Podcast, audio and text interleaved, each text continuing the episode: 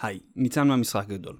אני שמח להודיע על הרצאה ראשונה של המשחק הגדול במסגרת Think and Drink Differently, שתתקיים ב-24 בנובמבר, ביום ראשון, בקן הקוקייה בתל אביב. נושא ההרצאה היא סדר עולמי חדש, מעולם חד-קוטבי לרב-קוטבי. אני אדבר שמה על ארצות הברית שמחפשת משמעות, המשחק הסיני והמשחק הרוסי בעולם רב-קוטבי, האיחוד האירופאי, מקסיקו ועוד. הולך להיות מאוד מעניין, הולך להיות מאוד כיף, ואני אשמח אם תוכלו להגיע.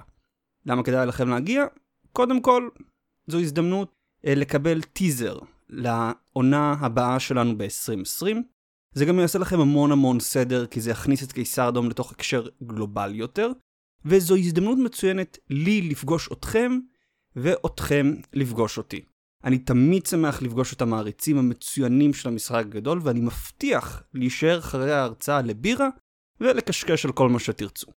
אז לינק נמצא בהערות הפרק, אני מזמין אתכם להצטרף גם לאיבנט שנמצא בפייסבוק, להזמין כרטיסים, ונראה אתכם ביום ראשון.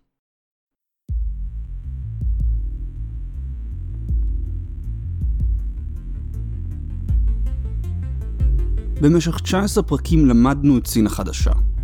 סין של שי ג'ינפינג. התחלנו במחשבה הפוליטית העתיקה של סין, במנדט השמיים וכל שתחת השמיים. למדנו על מאה שנות השפלה, ועל מאבקי הכוח בצמרת המפלגה הקומוניסטית. הכרנו את שי, את הביוגרפיה האישית שלו, הצעדים שעשה לבסס את כוחו והחזון שלו לסין והעולם. אחרי שהבנו את שי, עברנו ללמוד את מגוון האתגרים והיוזמות של סין החדשה. בעיית החוב, האיזון האסטרטגי מול ארצות הברית, דרך המשי החדשה ורשת ההשפעה שבייג'ין פורסת מסביב לעולם. סוף סוף הסרנו את המסך מעל סין. סוף סוף אנחנו רואים אותה כעוד מדינה ככל המדינות. עם שאיפות והצלחות וכישלונות. הפרק היום הוא פרק ראשון משלושה פרקי סיכום ותחזית. הם יתבססו על כל מה שלמדנו עד עכשיו, וינסו לא רק להתוות את העתיד שאנו יכולים לצפות לו, אלא גם המלצות מדיניות קונקרטיות מול סין החדשה. הפרק היום יתווה את העתיד של סין מכאן והלאה, ויסמן את האתגרים והאיומים שסין תציב למערב בכלל ולמדינת ישראל בפרט.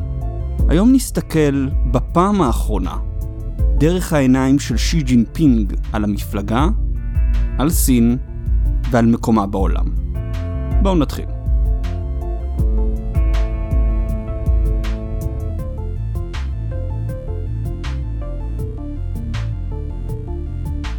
פתחתי את קיסר אדום בשאלה האם סין עומדת לכבוש את כולנו, או להתפוצץ ולהיעלם מהעולם.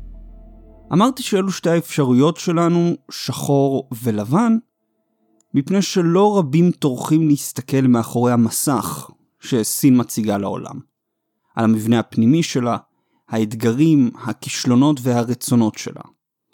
מה סין רוצה הייתה השאלה שליוותה אותנו כשהתקדמנו צעד צעד, וניתחנו את הרפובליקה העממית של סין.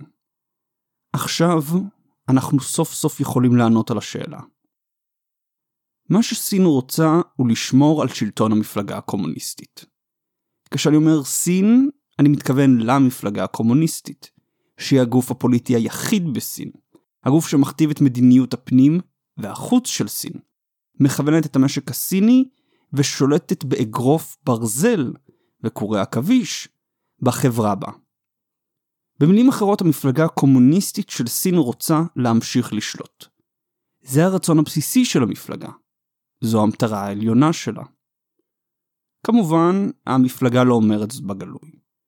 המפלגה מספרת שהיא המושיעה היחידה של סין, שהיא הוציאה אותה ממאה שנות השפלה להווה זוהר של שפע חומרי ותחייה לאומית.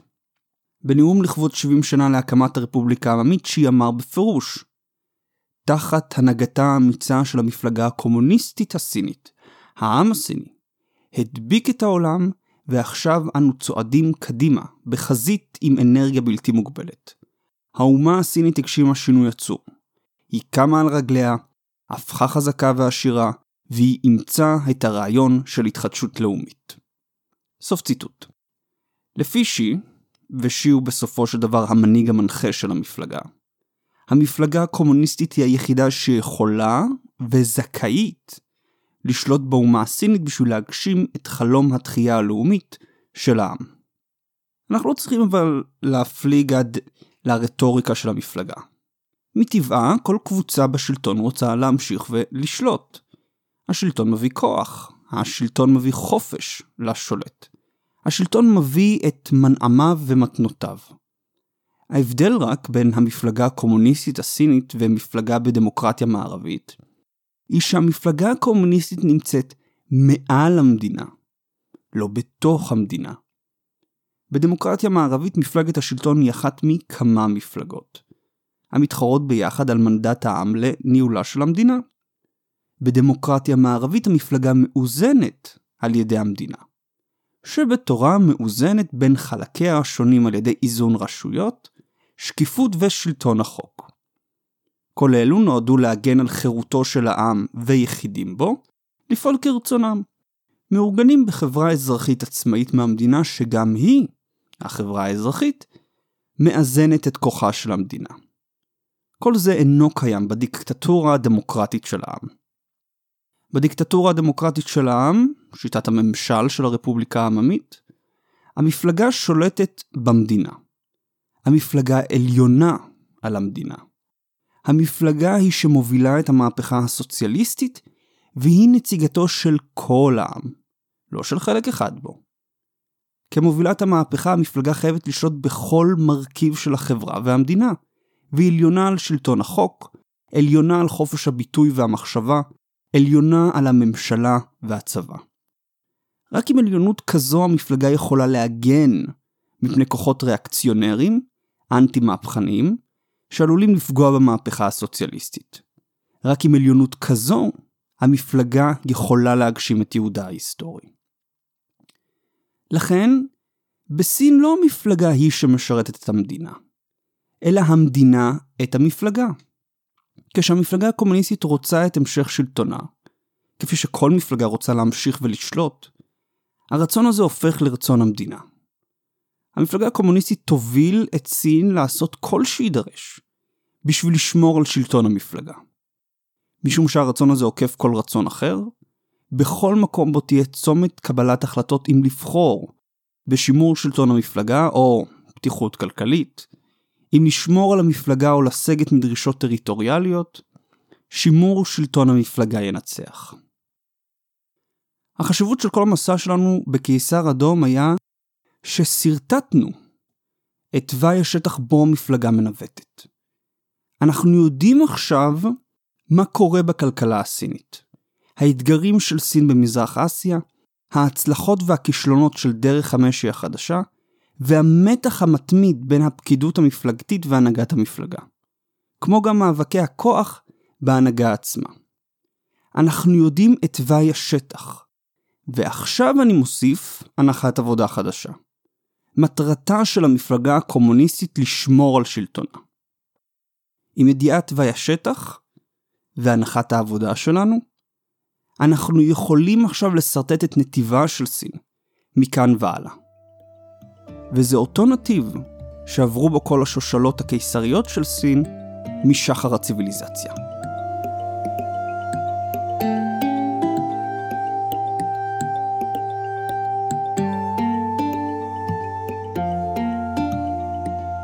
לא פעם יצא לי לקרוא או לשמוע שסין היא ציוויליזציה של 5,000 שנה.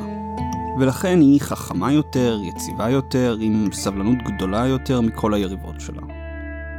זו סיסמה, וסיסמה שמעידה על בורות של האומר אותה. בורות למה? ונשים ההיסטוריה הסינית מלמדת אותנו משהו, היא הסופיות של המדינה הסינית. כן, הציוויליזציה הסינית היא בת 5,000 שנה. ונתנה לנו מתנות נפלאות כמו אבק שרפה, המצפן וההדפסה על נייר. הרפובליקה העממית של סין היא קצת יותר צעירה מישראל. הוקמה ב-1 באוקטובר 1949. מדוע ההבדל העצום בין המדינה והציוויליזציה? אם נסתכל בהיסטוריה של הציוויליזציה הסינית, נראה שבעוד הסינים הצליחו לפתח את אבק השרפה, לנסח את אמנות המלחמה ולבסס את היסודות לבירוקרטיה המודרנית, הם לא הצליחו להקים מדינה שתחזיק לאורך זמן. היסטוריונים של סין בוודאי יזעמו עליי על הפשטנות, אך בקווים כלליים ההיסטוריה הפוליטית של סין היא סיפור מחזורי, של מספר מדינות סיניות שנלחמות זו בזו, מדינה אחת מנצחת וכובשת אותן, המדינה הזו מתנוונת, מתערערת ומתפרקת, ומדינות חדשות שוב מתחרות על שליטה של מי תהיה המדינה המרכזית. ההיסטוריה של סין היא תנועה תמידית בין אנרכיה וריכוזיות, בין קיסרות ומרידות. אם באמת נסתכל מנקודת מבטה של הציוויליזציה הסינית, הרפובליקה העממית של סין היא עוד פרק, של יציבות יחסית אחרי אנרכיה. דומה לפרקים אחרים של יציבות כמו שושלת צ'ינג, שבאה אחרי ההתמוטטות של שושלת מינג, שזו בתורה באה אחרי התמוטטות השושלת המונגולית ששלטה בסין. יותר מזה, היא יחסית צעירה במונחים סינים. שושלת צ'ינג שלטה כ-270 שנה, ושושלת מינג לפניה כ-280 שנה. העובדה שציוויליזציה הצינית היא בת 5,000 שנה דווקא יכולה לשמש כטיעון לזמניות של המפלגה הקומוניסטית, לא לאריכות הימים שלה. טיעון כזה, אבל חייב לענות על שאלה חדשה. האם סין היום דומה לסין בעבר? האם יכול להיות שמה שהניע את התהליך המחזורי בהיסטוריה הסינית של תחרות ריכוז התפרקות כבר לא קיים? אם המניע לא קיים, אולי בעקבות שינוי דמוגרפי או טכנולוגי, הרי שהמפלגה כבר לא חיה תחת איומו התמידי.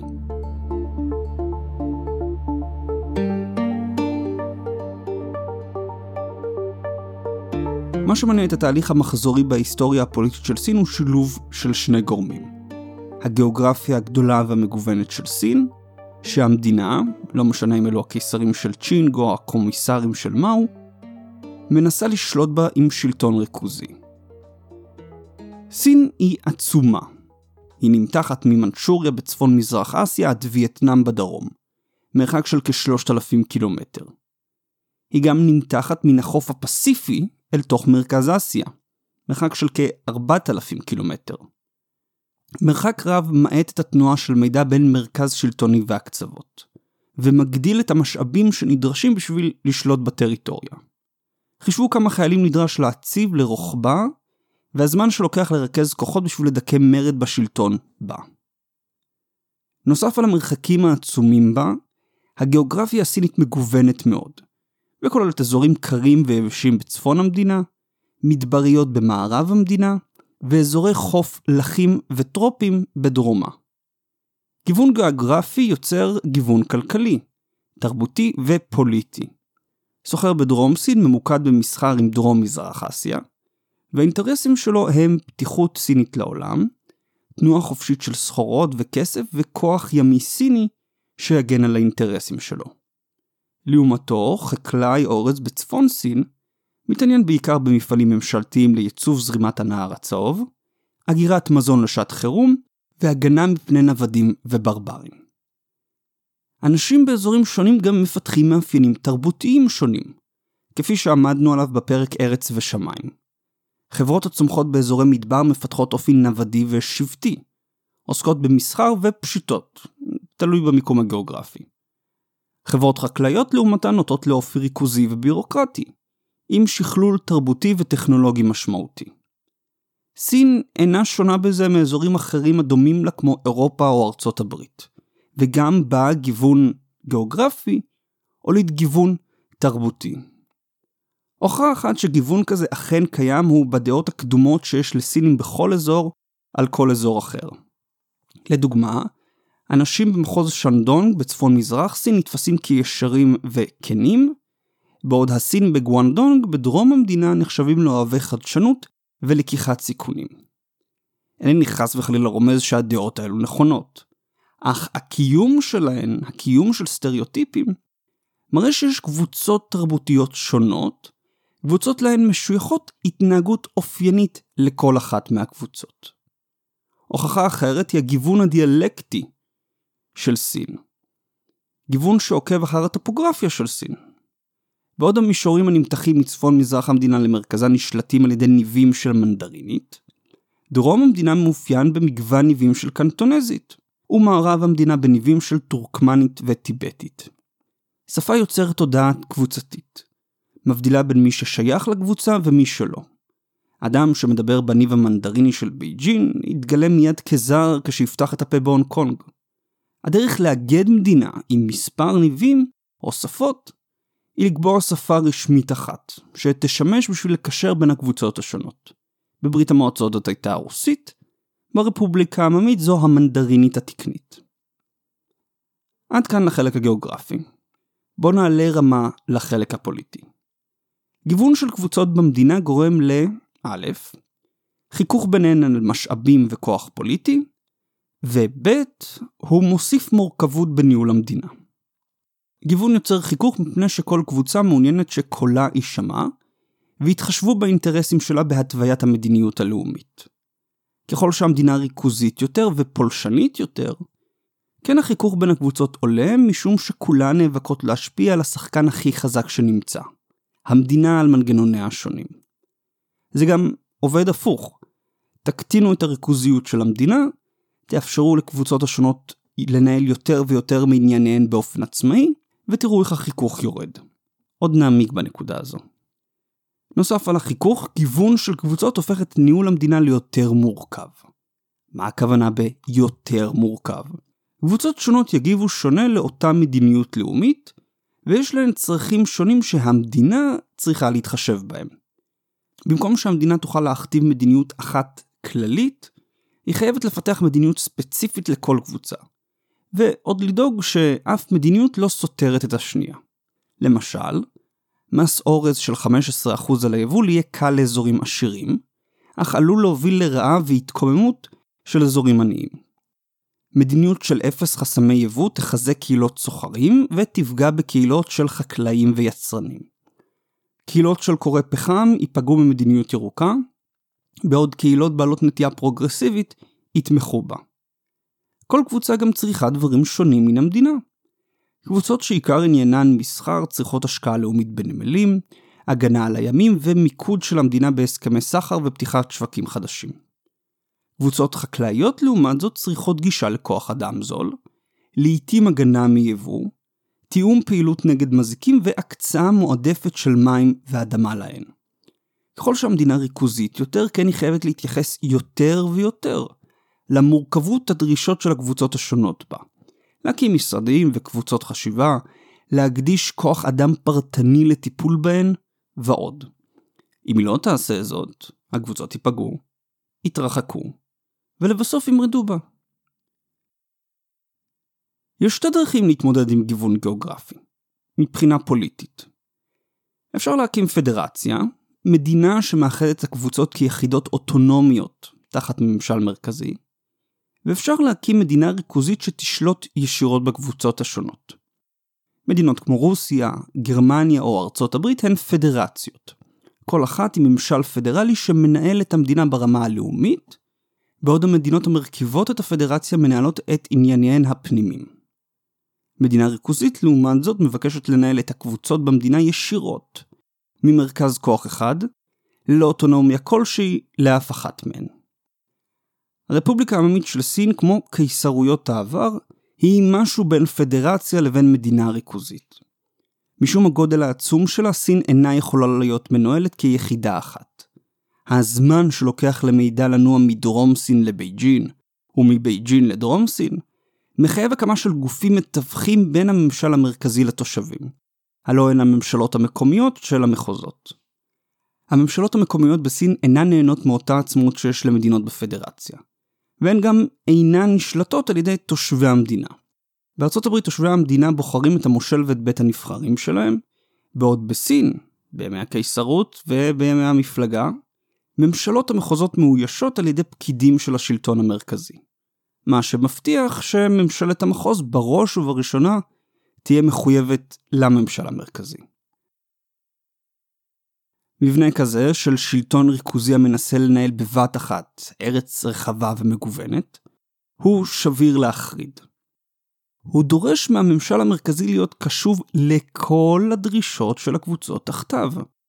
לקבל מידע ולהגיב לכל שינוי שקורה במדינה. משום הגודל העצום של המדינה, מבנה כזה הופך יותר ויותר מורכב בירוקרטית. מוסיף עוד פקידים ועוד משרדים בשביל לעסוק בעוד ועוד תחומי אחריות שנופלים תחת שלטונו. משום שיש גבול כמה אדם אחד יכול לאבד, ההיררכיה הפקידותית גדלה וזמן התגובה מתארך עוד יותר. הזמן שלוקח למידע להגיע מתארך ואיתו גם הזמן לקבל ולבצע החלטה. כשפקיד בבייג'ין מקבל דיווח על בצורת בצפון, זה עוד דיווח שהוא קיבל, עם עוד דיווחים רבים. עד שהפקיד יגיע לטפל בו, הבצורת כבר תהפוך לרעב ומרד עיקרים. מה שקרה שוב ושוב לאורך ההיסטוריה הסינית. היכולת של המדינה הסינית להגיב לברבורים שחורים לאורך ההיסטוריה הייתה מוגבלת, עקב הריכוזיות הגדולה שלה, והיא התרסקה שוב ושוב, כשהיא כבר לא הצליחה להעמיד את המשאבים הדרושים לניהול של מדינה גדולה כל כך.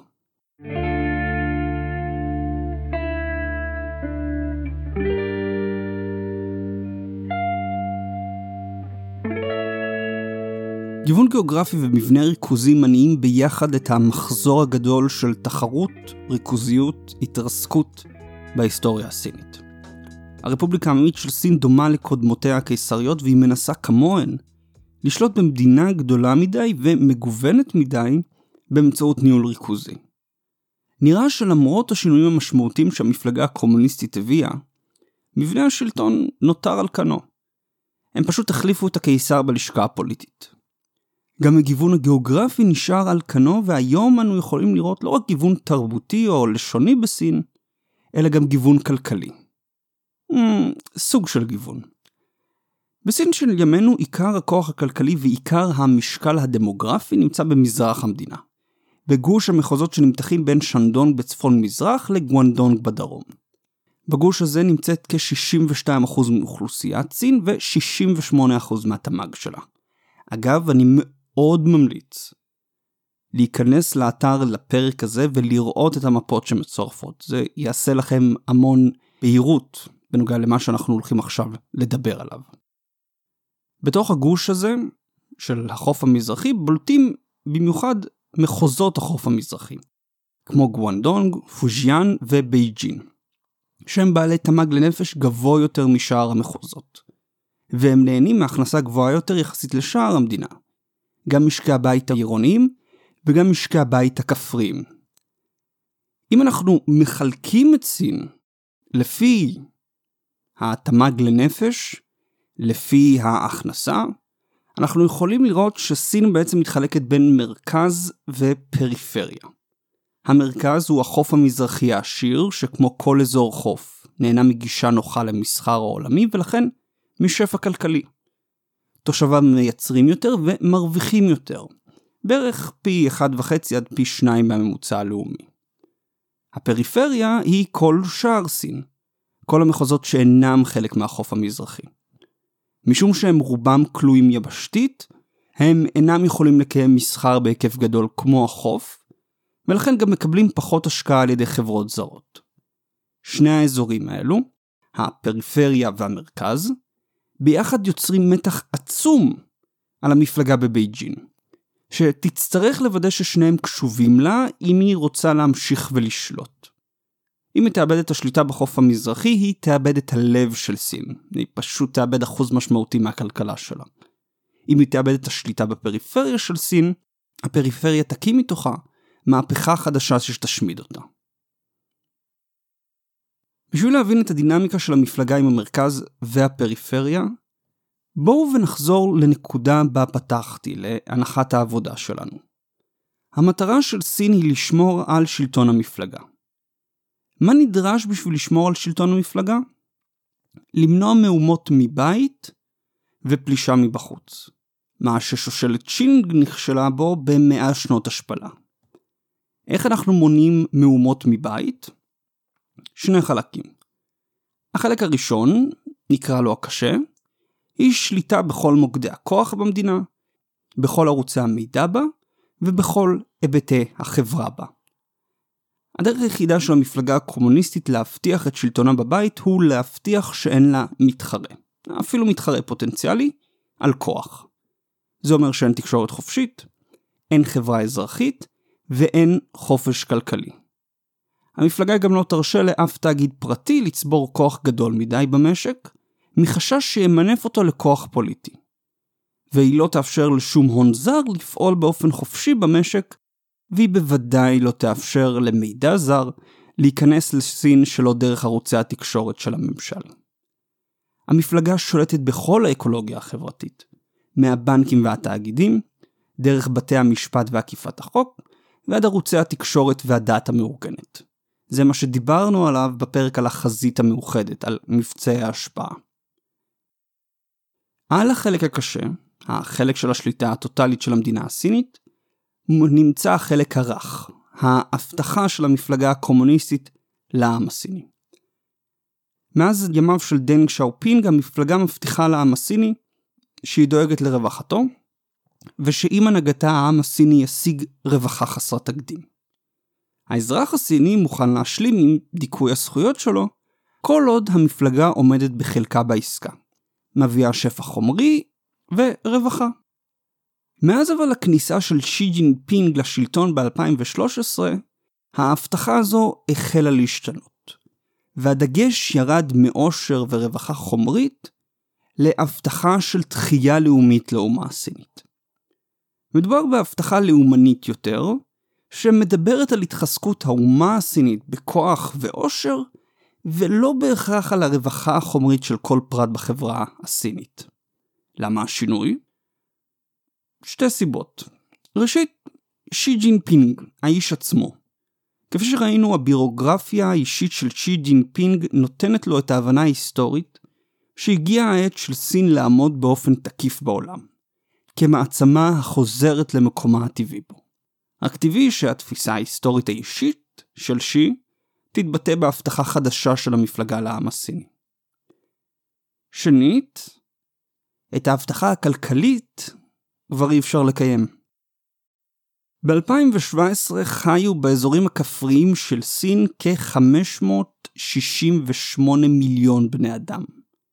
75% מהם חיו בפריפריה של סין, עם הכנסה ממוצעת הנמוכה בחצי מההכנסה הממוצעת בסין כולה. ואפילו פחות ממה שמרוויחה האוכלוסייה הכפרית במרכז. מה שהניע את הקפיצה המדהימה ברמת החיים בסין, יצור זול, כבר לא יכול לספק את אותה צמיחה מופלאה של שנות ה-90.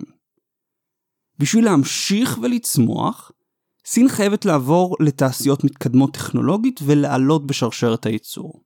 בשביל להשיג זאת, בייג'ינג יצאה בתוכנית תוצרת סין 2025, שמבקשת להפוך את סין למרכז טכנולוגיה עולמי. אך השינוי הזה יהיה בעיקר בחוף המזרחי. שם כבר נמצאים מוקדי הטכנולוגיה של סין. השדרוג בבסיס התעשייתי יקדם את האוכלוסייה בחוף המזרחי, בעוד האוכלוסייה בפריפריה, במיוחד הכפרית, תמצא את עצמה נותרת מאחור.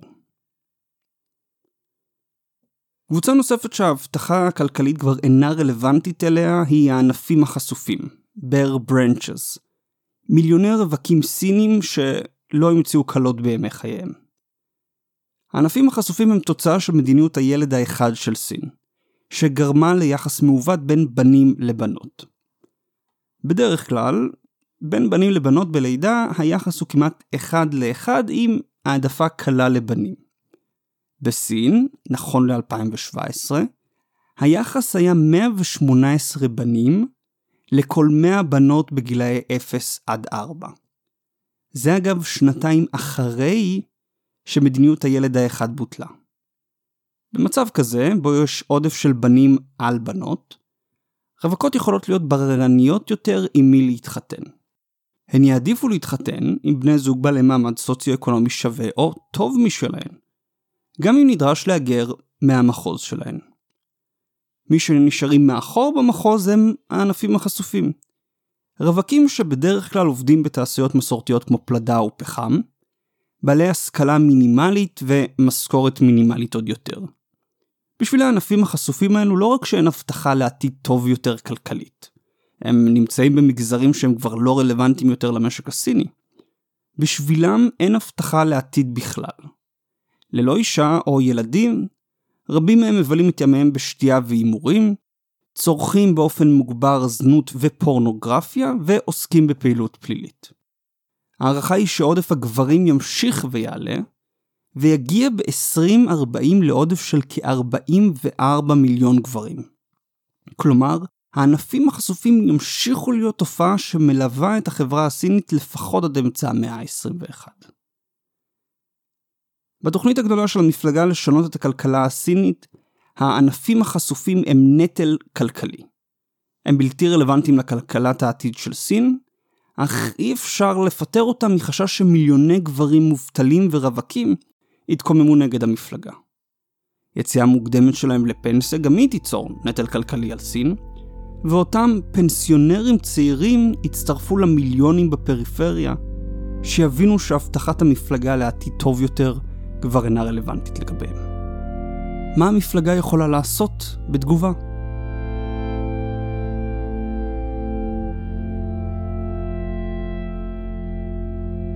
התשובה היא פשוטה, מהדקים את שליטת המפלגה בהם. אם אי אפשר להיפטר מהפריפריה ואי אפשר להיפטר מהענפים החשופים, אפשר ואפשר להדק את אחיזת המפלגה בהם בשביל להבטיח שלא ימרדו בה. המפלגה תצטרך להגדיל את חדירתה לחיי הפריפריה בשביל להבטיח שדעיכה הכלכלית שלה לא תביא להתעוררות פוליטית.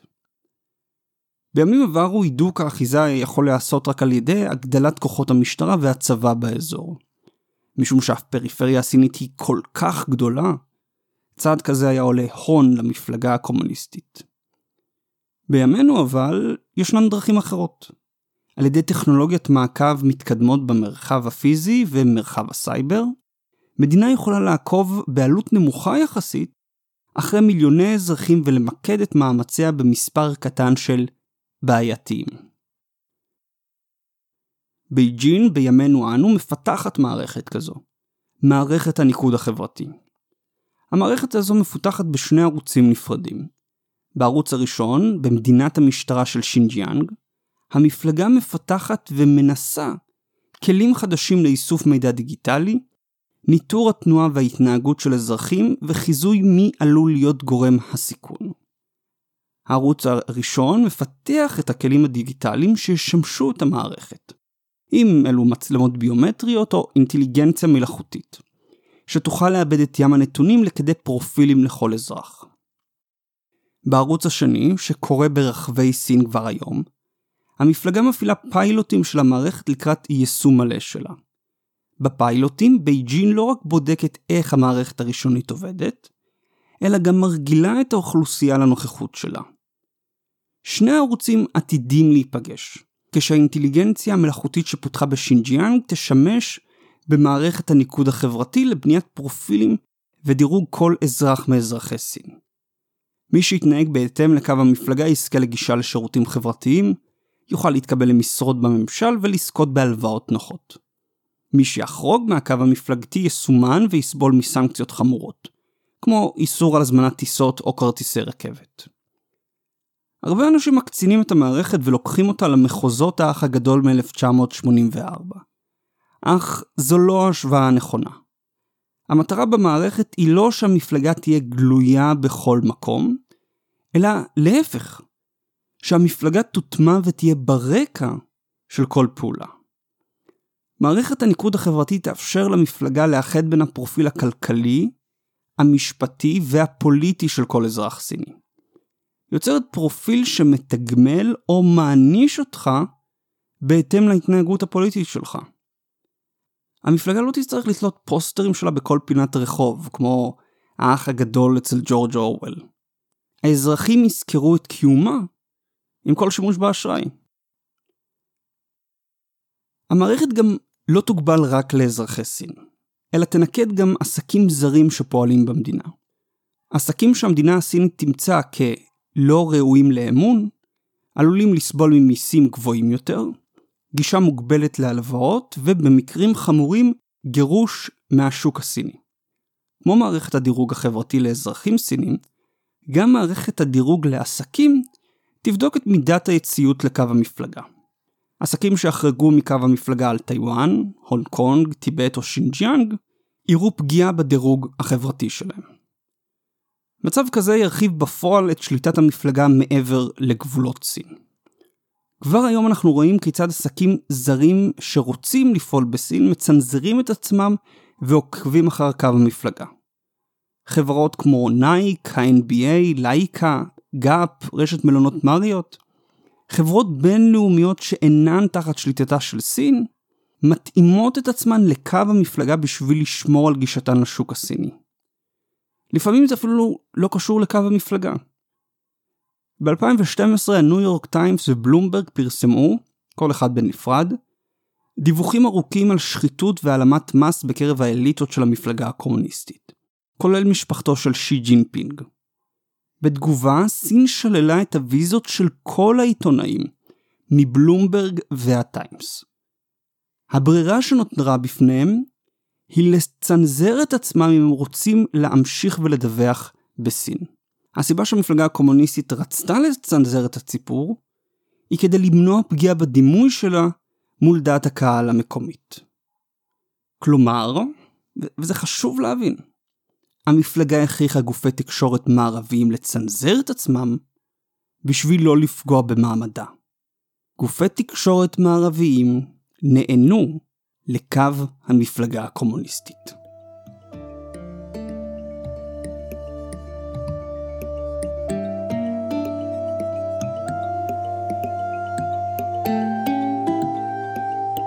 עד כאן לגורלה של הפריפריה. מה עם החוף המזרחי? מה עם הלב של סין? לכאורה אנחנו יכולים לחשוב שלכל הפחות המרכז הכלכלי של סין ייהנה מחופש גדול יותר. מתוך הבנה של המפלגה שחופש כלכלי ומחשבתי דורשים בשביל תעשיית הייטק פורחת.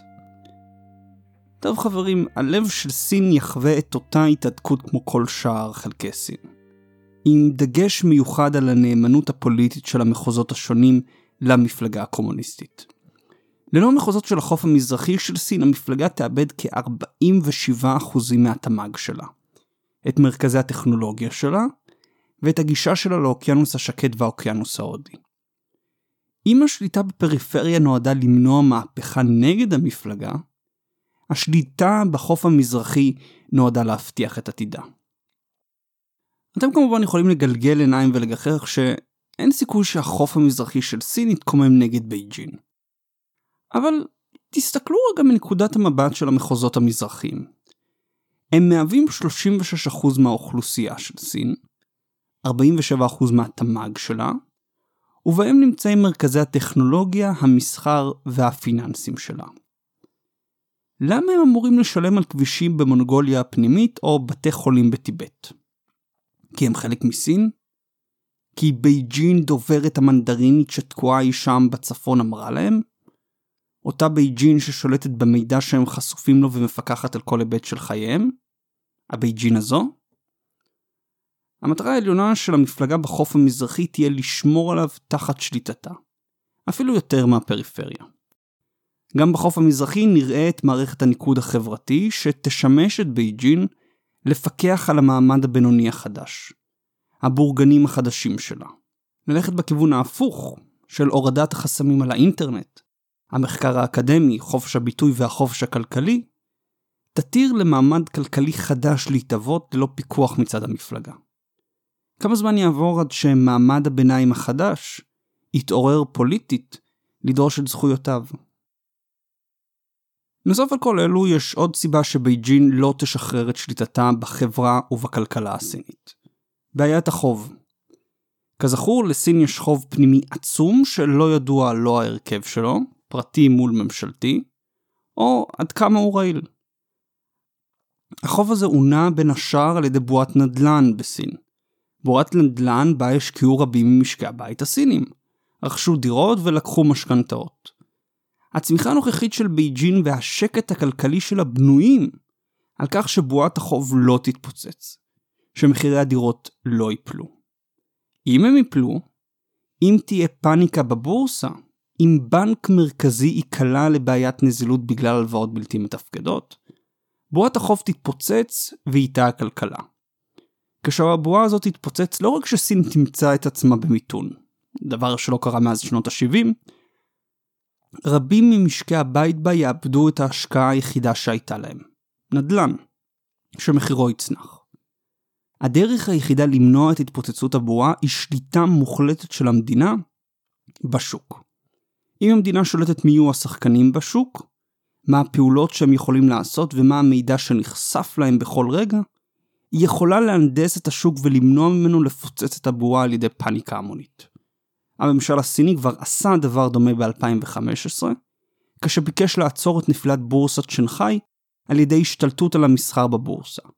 הממשל הכתיב כמה מניות ניתן למכור וחייב ברוקרים גדולים לקנות מניות למרות הירידה בשוק.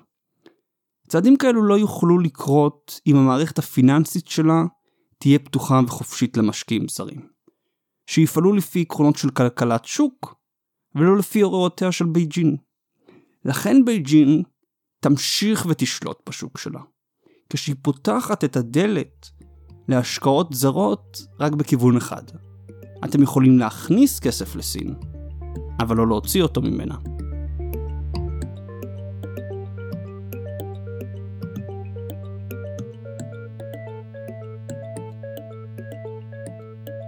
בואו ונסכם על מה דיברנו עד עכשיו. הבעיה המרכזית של המפלגה הקומוניסטית של סין היא ההטרוגניות של המחוזות בה. הלב של סין, החוף המזרחי, הוא עשיר, עירוני ומפותח. בעוד הפריפריה של סין ענייה יחסית ומפגרת מאחור. המפלגה הקומוניסטית חייבת, חייבת, בשביל להבטיח את המשך שלטונה להדק את האחיזה בשני החלקים גם יחד. כל אחד מסיבותיו שלו. מערכת הניקוד החברתי נועדה לאפשר בדיוק את זה. מגבירה את שליטתה של המפלגה בכל היבטי החיים בסין. עד כאן לזירה הפנימית. מה בנוגע לעולם? שוב, נסתכל דרך הנחת העבודה שלנו. מטרתה של סין לשמור על שלטון המפלגה. העולם יכול לשרת את המפלגה על ידי אספקה של משאבים וחומרי גלם לכלכלה הסינית, ורכישה של מוצרים סינים. העולם גם יכול לפגוע בשלטון המפלגה, על ידי תקיפה צבאית, מצור כלכלי או פלישה אידיאולוגית. הכנסת הרעיונות של דמוקרטיה וזכויות הפרט לחברה הסינית. שני הצדדים קשורים זה בזה ומשפיעים זה על זה. היא צריכה את העולם בשביל להתגונן מהעולם. בשביל להגן על עצמה צבאית וכלכלית, סין צריכה בסיס תעשייתי חזק ומתקדם. דבר שלא היה לשושלת צ'ינג.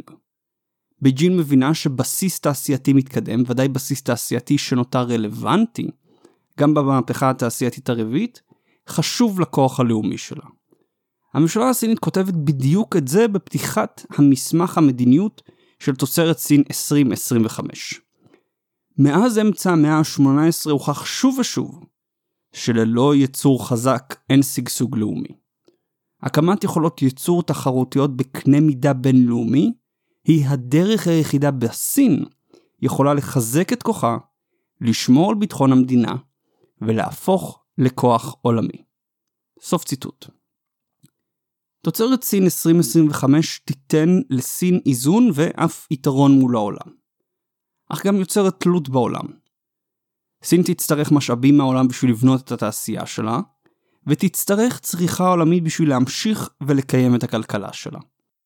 המדינות המתפתחות, במיוחד אלו באפריקה, הן השווקים העתידיים של סין לתוצרת ההייטק שלה, והם יהיו המקורות שלה לחומרי גלם, דלקים ותוצרת חקלאית שיזינו את הכלכלה והאוכלוסייה שלה.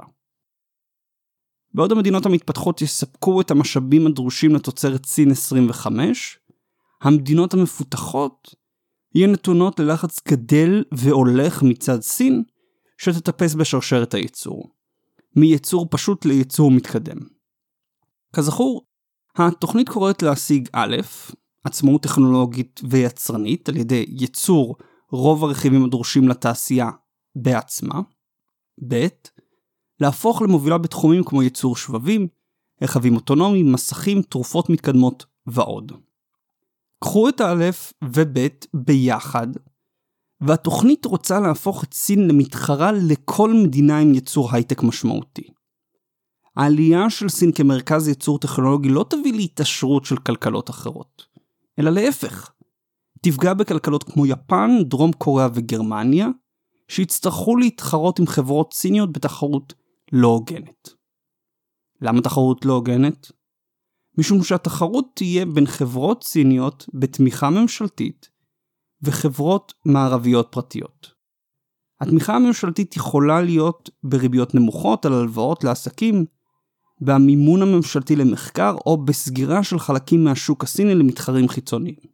בתנאים כאלו חברות מערביות נאלצות להתחרות בסביבה שהיא אסימטרית באופן מובהק נגדן, כשהן לא יכולות להעמיד מוצרים באותם מחירים כמו המתחרות הסיניות שלהם. הכוונה באסימטריה היא שבעוד חברות סיניות יכולות לפעול בעולם, חברות זרות כמו פייסבוק ואמזון אינן יכולות לפעול בסין. חברות סיניות זוכות למענקים ממשלתיים וסבסוד שמוסווה על ידי ריביות נמוכות, בעוד חברות זרות לא זוכות לשום תמיכה מצד הממשלות שלהן. חברות סיניות יכולות להציע מוצרים זולים יותר מחברות מערביות, נשענות על התמיכה הממשלתית. ללא תגובה ממשלתית כלשהי מצד המערב, במיוחד ארצות הברית, חברות סיניות יתחרו וידחקו חברות מערביות בשוק העולמי. במיוחד בשווקים מתעוררים באפריקה ודרום מזרח אסיה.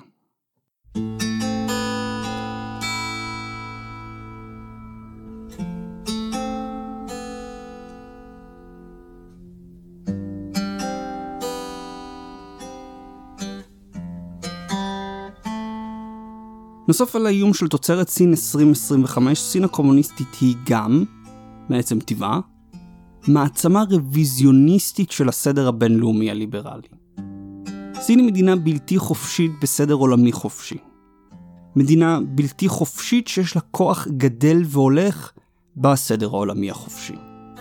החיכוך בינה ובין העולם החופשי גדל והולך, והיא מפעילה לחץ לשנות את הסדר הבינלאומי על בסיס פרשנות חדשה, רוויזיה של זכויות אדם. הראיתי בפרק זכויות אדם נוסח סין שסין מקדמת פרשנות משלה לזכויות אדם. כזו בה זכויות אדם כלכליות, חברתיות ותרבותיות מקבלות חשיבות על פני זכויות פוליטיות. על ידי פעולה עקבית סין מצרפת אליה מדינות מתפתחות, שהן מהוות כ-65% מכל המדינות החברות באו"ם, בשביל לשנות את הסדר הבינלאומי כך שיתמוך בפרשנות שלה לזכויות אדם. בסדר העולמי שסין רוצה, לכל מדינה תהיה שליטה על המידע בשטחה, והיא תהיה חופשית לפעול כראות עיניה בכל הקשור לזכויות אדם בשטחה. למי שחושב שהרוויזיה הסינית היא חסרת משמעות פרקטית, כדאי לדעת שבין שאר הדברים שסין מקדמת במסגרת הרוויזיה שלה, הוא הנושא של ריבונות במרחב הסייבר, או הזכות של המדינה לשלוט באינטרנט בשטחה. סין מעוניינת לקדם גישה חדשה למרחב הסייבר בו הריבונות של מדינה חלה גם על המרחב הזה.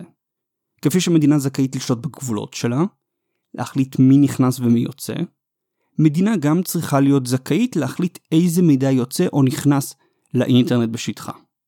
בייג'ין כבר היום עוקפת את הזכות שלה על ידי חומת האש הגדולה. והיא רוצה לעגן את שליטתה באינטרנט כנורמה חדשה בסדר הבינלאומי. למה סין מקדמת את הפרשנות הזו לזכויות אדם? המפגש של שלטון בלתי חופשי עם סדר חופשי יוצר לחץ על השלטון הבלתי חופשי. הוא שוב ושוב מוצא עצמו תחת ביקורת במוסדות האו"ם, ביקורת ממדינות חופשיות, ועלול להיות תחת סנקציות בגלל פעולותיו. סין הייתה קרובה לרגע הזה כשהעולם הגיב לטבח בכיכר טיאניאנמן ב-1989 עם עצירת הלוואות והשקעות לסין.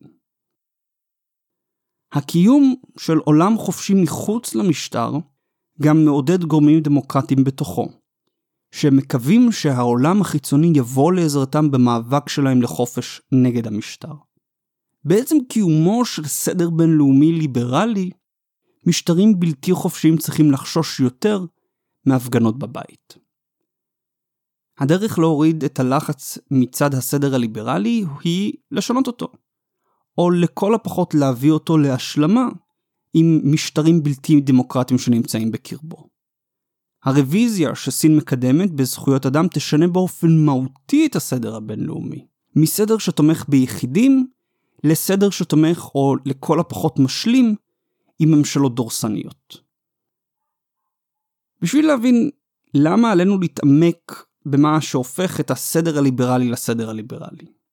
האופי של הסדר הליברלי נובע מהתפיסה שזכויות פוליטיות של יחידים עליונות, למעט במקרים ספציפיים, על כוחה של המדינה. בסדר הליברלי מדינה אינה יכולה לרדוף יחידים בשטחה, אלא אם אלה מהווים איום ברור על ביטחון המדינה. מדינה שתירה או תפציץ את אזרחיה, תמצא עצמה מהר מאוד תחת סנקציות בינלאומיות. בשביל לשנות את האופי של הסדר הליברלי, צריך להוריד את כוחן של הזכויות הפוליטיות ולתת למדינה בסיס חדש להתמודד איתן. סין מקדמת פרשנות בה זכויות פוליטיות הן משניות לסוג אחר של זכויות. זכויות כלכליות, תרבותיות וחברתיות. עם דגש מיוחד על הזכות לפיתוח כלכלי. ההבדל בין הזכויות הוא במקומה של המדינה בהן. בזכויות פוליטיות היחיד אינו צריך שהמדינה תעשה פעולה כלשהי למימוש הזכויות האלו, אלא שתימנע מפעולה. אתם לא צריכים שהמדינה תפעל בשביל שתוכלו לממש את חופש הביטוי שלכם, אלא שתימנע מפעולה של צנזורה. לעומת זאת, בשביל שתשיגו פיתוח כלכלי, תקבלו ביטוח סוציאלי או תנאי מחיה נאותים, המדינה חייבת להתערב, המדינה חייבת לפעול. סין מדגישה את הזכויות הכלכליות בשביל לתת למדינה לטעון. אני שוללת מאזרח פלוני את זכותו לחופש הביטוי, משום שבמימוש זכותו הוא עלול לפגוע בזכות החברה לפיתוח כלכלי ותנאי מחיה נאותים. הטיעון הזה מבלבל אדם מערבי משום שבשבילו העליונות של זכויות פוליטיות היא הבסיס של זכויות אדם. זכויות שאי אפשר לפגוע בהם אלא במקרים קיצוניים.